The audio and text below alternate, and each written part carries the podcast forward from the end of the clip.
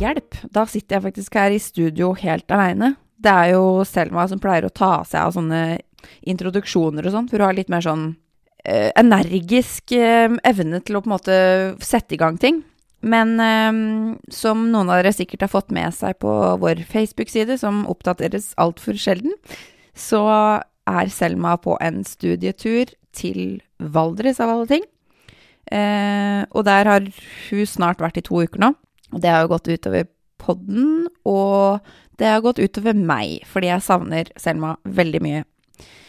Men før Selma dro, så eh, tok hun seg tid til å lage en kjærlighetsepisode, rett og slett, som var dedikert til meg.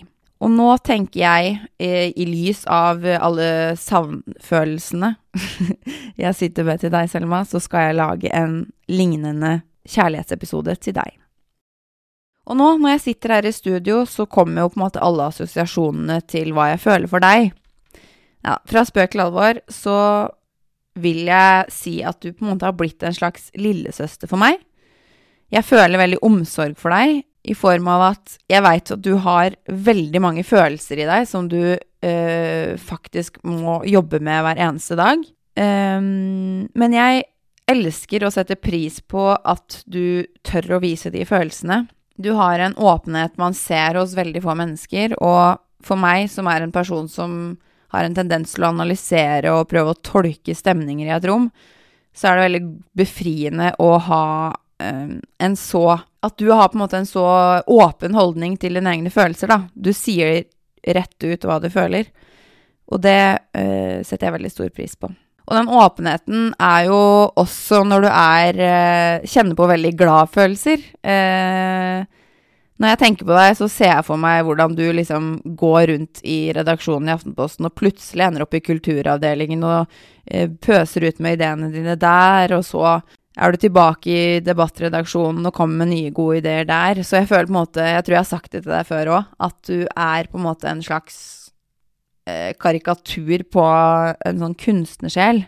Og du er jo på mange måter en motsats til, til den jeg er. At du, du, tar ting mer på sparket. Du har ikke de planene som jeg hele tida er avhengig av. Og det inspirerer meg og utfordrer meg, som er så glad i å ha en plan på ting.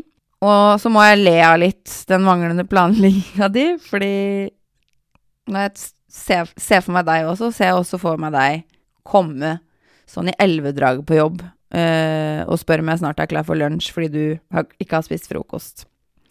Og det har jo selvfølgelig jeg gjort, som er så glad i å planlegge.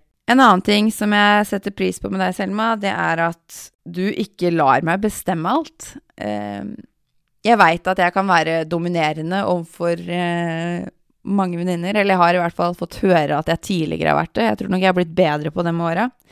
Men øh, hvis jeg f.eks. kommer med en idé, og du syns den er dårlig, så sier du det. Øh, der mange andre bare ville sagt sånn Nja, mm. Og det er så deilig at du bare tør å øh, si sånne ting rett ut.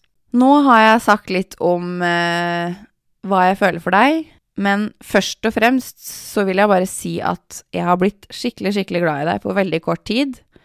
Um, og det er ikke så ofte jeg får den følelsen for nye mennesker lenger. Eh, når jeg var 15 år, så var jeg veldig sånn entusiastisk overfor det å knytte bånd til nye mennesker. Men som voksen så skal det liksom litt mer til for at man får den følelsen av å være på bølgelengde med noen.